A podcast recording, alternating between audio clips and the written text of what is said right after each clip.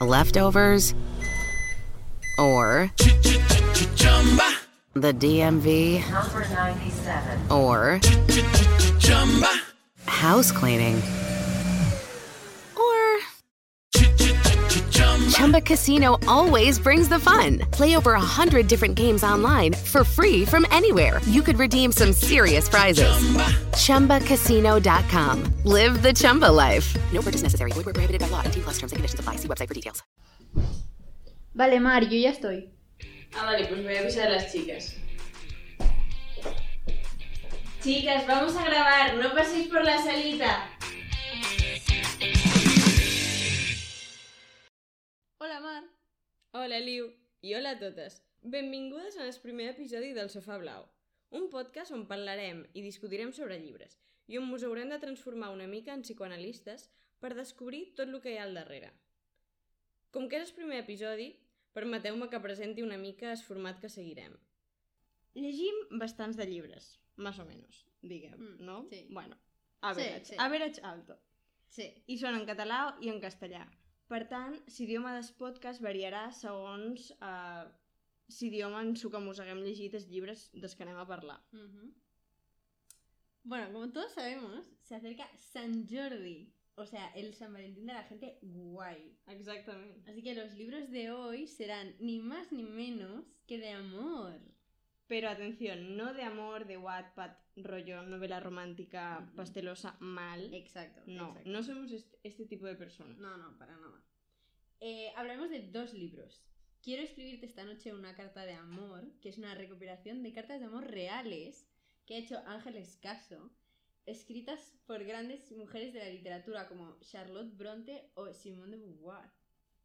Y creo que el siguiente libro del que vamos a hablar es un buen contrapunto a la exaltación del primero, ya que La soledad de las parejas de Dorothy Parker tiene un enfoque como mucho más cínico y resignado, digamos.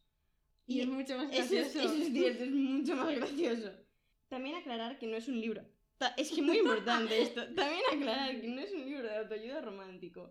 Que es lo que se pensó Liwe Sí. cuando se lo propuse. En plan, a ver, ¿qué te pensaste exactamente? Literalmente pensé, es una versión escrita de Pasión de Gavilán. No puede ser, tío. No, me, pare- me parece fatal. Re- ¿Te acuerdas que me enfadé? Muchísimo. Porque es que no se lo quería leer. No, no, muy mal. Pero bueno, vamos con las primeras cartas de amor, que en el libro están ordenadas cronológicamente. Así que empezaremos por una de mis favoritas, que son las medievales. La primera de todas es la abadesa Eloísa, del siglo XII.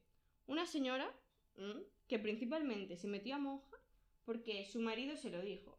Es que las cosas que se hacen por los hombres a veces.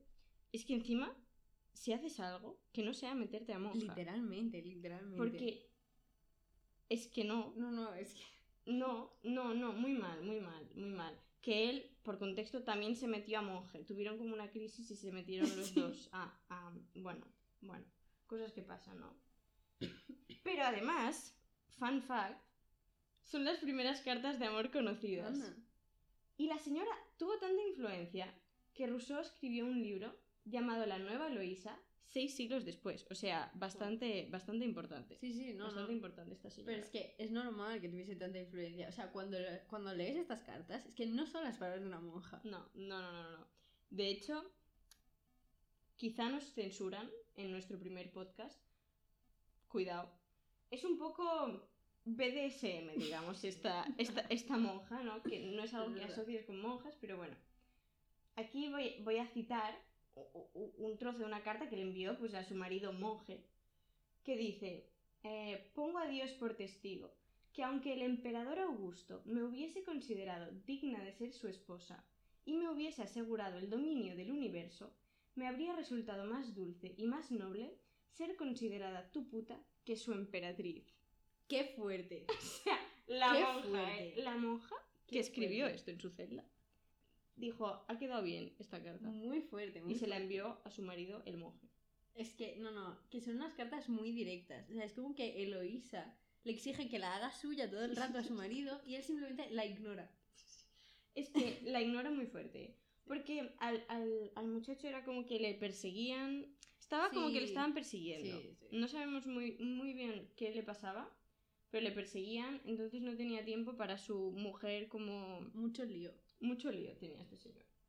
Entonces como que hace como que no tiene tiempo y además está como indignado, está Mm, indignado con la... con los deseos carnales de su mujer sí, monja. sí. No, Entonces, bueno. todo mal. Esta no rompe el corazón, impacta mucho, pero no rompe el corazón, pero la siguiente, cuidado. Cuidado. Son de Hildegarda de Bingen, que es otra monja del siglo XII y que le escribe pues también a una monja compañera suya, que era como su secretaria. Y no se sabe bien, claro, en las cartas mm, se entrevé como amor, pero no se sabe si fue platónico o si mm, llegaron a ser pareja de forma obviamente a escondidas, porque eran monjas y eran dos mujeres, o sea, mm, bueno. Para poner en contexto, em, Hildegarda fue una de las escritoras más prolíficas de la Baja Edad Media. De hecho, escribió varios tratados científicos y así también como dato es, es santa, o sea, es una santa. Buah, O sea, goals. Walls, esta O sea, señora, no pasa nada. Y de hecho, en las cartas se ve un montón su talento por la escritura. O sea, hay mucha devoción y mucha admiración por la otra persona. Y esto, es que esto hace que el final sea como mucho más trágico. Porque Hildegarda tenía muchísimo poder, ¿vale? Pero es que había, evidentemente, muchísimo machismo. O sea, es el siglo XII. Sí. Así que las separaron. Es que las separaron, ¿eh? Y su amada, ¿vale? Se murió al mes. Claro, es que no es que las separaran. Man, hicieron que Richardis, es decir, su novia, digamos, bueno, Sí. em, se, y- se fuese a otro convento en contra de la voluntad de las dos. Mm. Claro, no era una separación de, bueno, se va a otro convento. Era que no la iba a volver a ver nunca más. Nunca más. Y se murió al mes. Es tristísimo. Como de pena, ¿sabes? Se Ujú. murió. En plan, bueno, eso es lo que como deja entrever el libro. Que se murió como, como de tristeza. Que seguramente fue como también de otra cosa, ¿no? Pero, Sí, sí, no. pero muy mal. Fatal. Pero bueno, moving on. La siguiente escritora de la que vamos a hablar es más conocida, Charlotte Bronte, una de las hermanas Bronte. Wow. De hecho, son una de mis cartas favoritas. Más que nada porque me parecen muy sinceras, sin llegar a ser egoístas.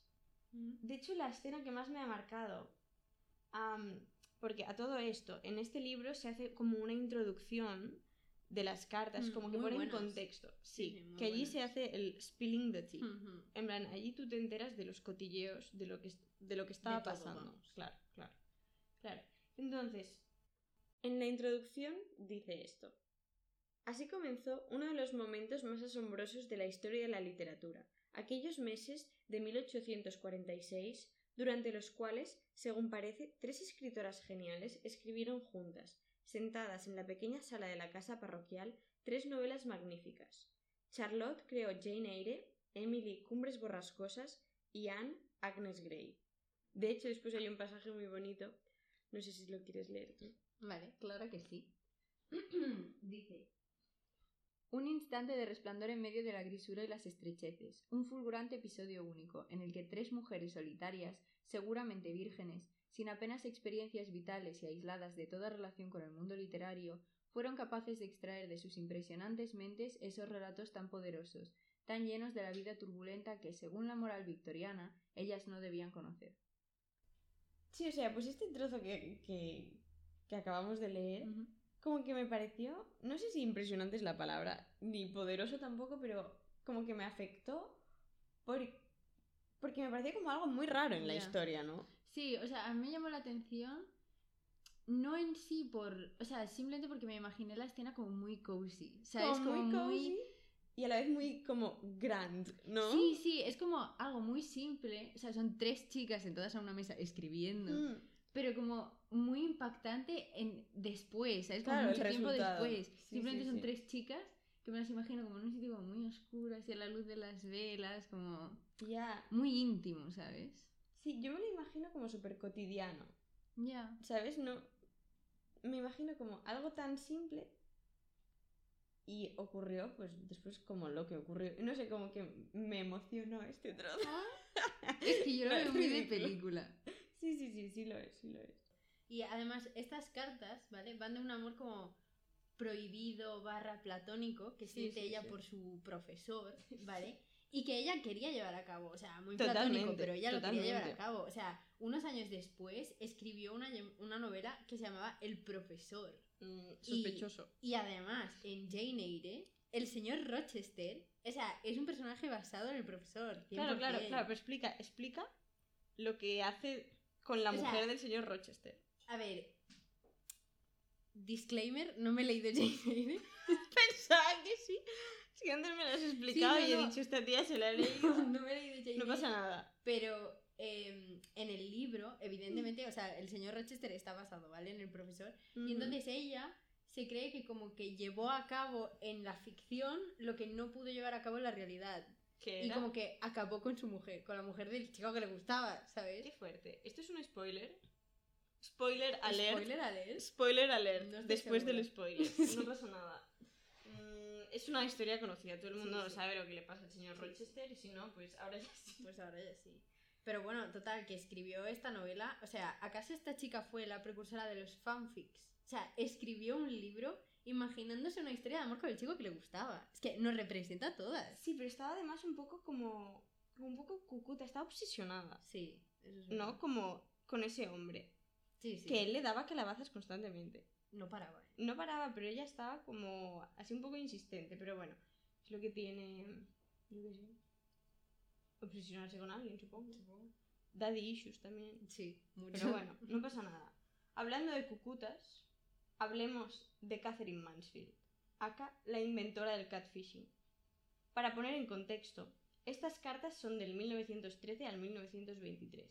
Pero, pero bueno, Liwe, explícanos por qué esta señora, Catherine, es la inventora del catfishing. Pues mira, esta señora sabía escribir para que le hicieran caso. O sea, 100%. esta tía hizo que su marido cruzase un país entero en medio de la Primera Guerra Mundial solo porque se sentía un poco mal. ¿Vale? Y luego se arrepintió, le mandó otro telegrama diciendo que no viniese, pero bueno, las comunicaciones entonces ya sabemos cómo eran. Claro, y, claro. Y no le llegó al señor y vino igual, pobre Claro, tipo. claro, Mark Zuckerberg aún no, O sea, no, aún no había no nacido. llegó a tiempo. No, no llegó. Pero que aquí hay dos, dos vertientes, ¿vale? Y aquí quizá la gente va a decir tóxica, mal, ¿no? En plan, pero es un poco muy mal Catherine, muy mal Ujú, Catherine, Sí, ¿eh? sí, 100%. Pero un poco romántico es que crucen la guerra para venir a verte. Oye, lo estás poniendo a prueba. Te En está plan- demostrando que te ama. Bastante, te lo está demostrando mucho. Es, es, es como un poco romántico. Es Sí. como... O sea, sobre todo si sobrevive. Que Claro. es como un por- final feliz. Claro. no sé, Llega a saber que te quiere, ¿sabes? Claro, sí, es como un poco triste, ¿no? Te sientes mal porque es tu culpa. Claro, claro, claro, claro. Pero, pero bueno, recapitulando, Liwe. mm, tú me dijiste antes que estas son tus cartas favoritas de esta señora que acabamos de decir que, que mal. O sea, red flag. Red flag totalmente. Pero es que, mira, esta señora será toxiquísima. Lo ¿vale? será la tía más loca del mundo. Confirmado. Puede ser.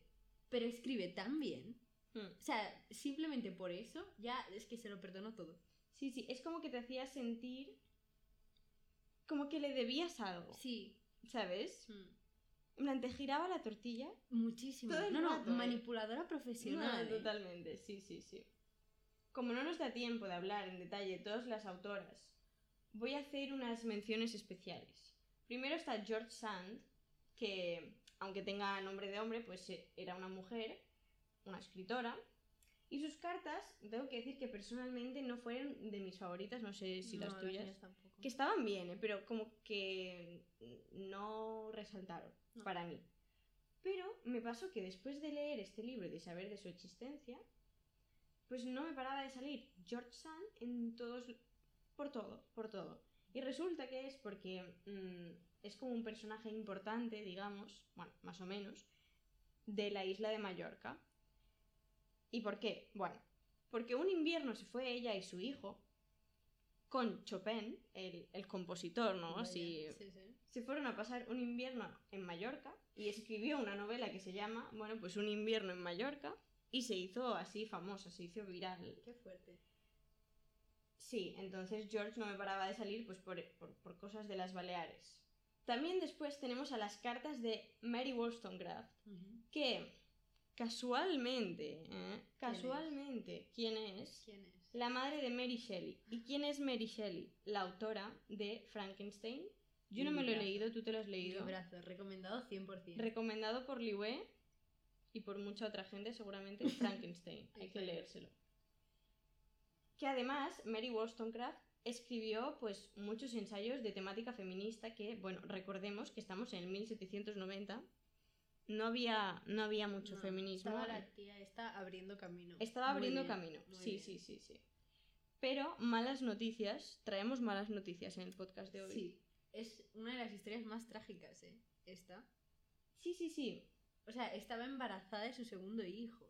Y en una relación que, atención, spoiler, lucía sana. Hmm. O sea, pare- todo estaba Todo correcto. bien, todo, iba bien, a diferencia de las otras que estaban un poco en un, en un mal sitio en la relación, sí. la no, pues estos estaban bien. Lo que pasa que el marido no podía estar presente en el parto por trabajo. Claro. Entonces Mary le mandaba cartas informándolo de la situación, de cómo iba yendo todo, ¿no? Claro. Y es que, imaginémonos esto, porque en la última carta que recibió su marido, dice así, Mistress Blenkinsop dice que todo está siendo normal y me ha prometido que el parto va a ser seguro, pero debo tener un poco de paciencia. Spoiler, se muere. Once días después, murió de fiebre puerperal, es decir, bueno, es septicemia, pero bueno, la cuestión, que su marido llegó pensando que todo iba, Pobre. que iba a tener un hijo y una mujer, y solo tenía el hijo, ¿eh? Bueno, esto está un poco feo. Esto está feo. No, vale, me ha quedado feo, pero me pareció como súper triste. No, no, es muy triste. Como te quedas en, en, en, shock. shock, O sea, total. A mí me da un infarto. O sea, también piensa que vivían, entonces vivían con más incertidumbre que ahora. O sea, sabían que quizá había información que se perdía por el camino. Lo que pasa es que no pensarías que se fuese a morir. Claro, claro, claro. Es que un día más citamos en este podcast a Mark Zuckerberg, Nuestro referente. nuestro referente aparentemente. Bueno, pero hasta aquí, no sé si lo habréis notado, pero ha sido todo un poco trágico. Pero tranquilas, porque se ha acabado. Y por último, vamos a hablar de nuestra querida Elizabeth Barrett Browning, que te lo resumo, ¿vale? Era una escritora que estaba enferma y tenía que estar en la cama por su enfermedad, y que se casó con un fan suyo. No, tío, pero Liwe, por favor, por favor, por favor, explícalo bien, porque esta es, es una historia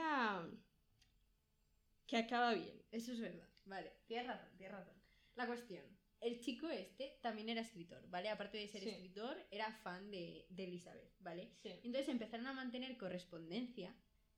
Esto derivó en visitas casi diarias y Sí, acabó sí, sí. siendo un romance. Pero bueno, no iban a tener la aprobación del padre de ella, porque lo odiaba este chico, ¿vale? Entonces se casaron en secreto y luego se fugaron juntos. Es que, no, mm, en plan, como es súper bonito. Sí, sí. Y además, lo que más me sorprendió es que el chico como que estuvo casi que años yendo Pico pala. pico pala. Que claro, ahora dirías quizás un pesado, pero como que la chica también le gustaba, pero no se quería casar con él Claro. por la enfermedad, modo, pues estoy en cama, ¿sabes? En plan, tampoco voy a... Bueno, pues quizás se creía que no iba a ser una buena mujer o algo. No sé. Pero estuvo años, en plan, Sí, sí, no, fuerte, fuerte. muy fuerte. Y de hecho, además, se cree que la enfermedad de- que tenía Elizabeth eh, es una enfermedad rara que se cura con la edad. Así que, de hecho, después de casarse, su salud mejoró y vivieron una vida feliz. No, es que qué bonito. en plan, muy... No, En muy plan, bien. No te voy a mentir, ahora mis expectativas han subido. Te lo juro. En plan, estoy muy preocupada por mi futuro. Porque después de haber conocido este mundo del romanticismo, pues, pues ya no soy la misma. Ahora espero otras cosas. No, no, es que Ahora esto, espero otras cosas. esto afectará a las relaciones. O sea, trigger warning. Si tienes novio, novia, lo que sea, no te leas este libro. Porque no lo te lo leas, es que lo vas a dejar. Con razón, Con con razón. totalmente. Porque claro, si ahora se escribiese este libro, pero como de cartas de la actualidad, bueno, no serían cartas, No, serían WhatsApps. serían WhatsApps. Y claro, todo, todo va como mucho más rápido, ¿no? ¿En qué sentido? Claro, que en términos de comunicación, como todo va mu- muy rápido, mm, también yo creo que esto se contagia a las relaciones. Es como la inmediatez de, de WhatsApp, pues tiene la parte buena de que te enteras enseguida de las cosas, acá, bueno, quizá a, a Mary Le pues, habrían ido de puta madre. le habría ido bien, Exacto. pero también es una comunicación como mucho más impulsiva. Hmm. Sí, y como que en las cartas puedes plasmar más claramente lo que sientes, o sea, es como más exacto y puedes verlo, o sea, hacerlo con más calma. Sí, eso es verdad. Total, pero bueno, choices, comunicarse o morir. Que se lo digan a Mary Wollstonecraft. Moving on, totalmente, después de esta broma. Después de esta broma, mal, moving on. Y después de toda esta exaltación, y más tragedia que otra cosa, pasamos a la soledad de las parejas. Que suena mucho más alentador. Bueno, cálmate, ¿eh? Es más ligero. Dorothy Parker fue una humorista, guionista y poeta estadounidense del siglo XX. Ahora nos quitamos de en medio el romanticismo exaltado y nos vamos al amor cotidiano. Este es un libro como de relatos, pues de relaciones, pues digamos, normales, ¿no? Que nos asoma la vida de diferentes parejas en diferentes situaciones. Y recuerdo que cuando lo leí eh, fue muy fácil empatizar, pero no empatizar porque haya alguien que está enfermo y, y sientes lo que siente esa persona, sino porque mm, entiendes muy bien por qué las personas hacen lo que hacen, aunque te caigan bien o te caigan fatal. Hmm. Es como que contextualiza muy bien a Sí, las sí. personas. Sí, sí, sí, 100%. Además, se nota que la autora era humorista, porque es que tiene unos punchlines Savage. muy buenos, o sea, muy gracioso. ¿Y cuál, cuál fue tu relato favorito? Bueno, tengo dos. Se llama Qué lástima, el primero, porque es de... El título bueno. Em, va de... em, a ver, mm, confesión, me lo leí hace mucho tiempo, pero lo que recuerdo, lo que se me quedó, es pues que era como una conversación de una pareja más así ya mm, entrada en años que se estaban como que ya las manías del otro le- les, Hmm. se empezaban a molestar mutuamente Sí. y no se lo decían era como una conversación totalmente disfuncional no agresiva ni nada pero me pareció como mm, muy buena descripción de la realidad como excelente y el otro que me gustó también es aquí estamos porque era muy gracioso en plan muy Extremadamente pero gracioso como. ¿Cómo se dice en castellano? Como witty, ¿sabes? Como. Como ácido, Hmm, ¿sabes? Sí. No, no, o sea, totalmente, o sea, son muy chulos. De hecho, el primero que has dicho, el de qué lástima, o sea, me parece increíble porque realmente refleja muy bien cómo, o sea, ese resentimiento que a veces hay en parejas que llevan mucho tiempo juntas, o sea, como que es muy real. Y a mí me gustó mucho una llamada telefónica, que es mucho más intenso, es un monólogo, y me recordó un montón a la obra de teatro de La voz humana de Jean Cocteau. Que Mm. de hecho Almodóvar hizo hace unos años un, un corto con ¿Qué ese dices? texto. Sí, sí. ¿Con muy este? recomendado, muy recomendado. Con el texto de, de la voz humana. Porque de la llamada telefónica es como solo un personaje, ¿no? Sí, es un monólogo. Y en. Y en lo que hizo Almodóvar también. Sí, es cogió la voz humana y lo hizo, hizo un corto. Con Tilda Swinton, de hecho. Muy chulo, muy recomendado, ¿eh? Wow, Liu, qué lista. Sí. Otra recomendación de nuestra amiga Liu. Frankenstein y lo que hizo. Almodóvar. Exactamente, Almodóvar. Pero bueno, así para concluir. ¿Te han gustado los libros de los que hemos hablado hoy? O sea, me han encantado. Yo Claramente. solo digo, increíbles choices para San Jordi. O sea, el San Valentín de la gente guay. Exactamente. Hashtag capitalismo. Bueno, a veces es lo que toca, ¿no? Tienes razón. Bueno, pues hasta aquí el primer capítulo del Sofá Blau. Esperamos que os haya gustado. Si tenéis recomendaciones de libros que queréis comentarnos, compartirnos, que hablemos de ellas, lo que sea, ya sabéis. Nos podéis mandar un DM por Instagram, arroba el Sofá Blau. Nos, vemos en el próximo. No, no, volvemos a decir esto.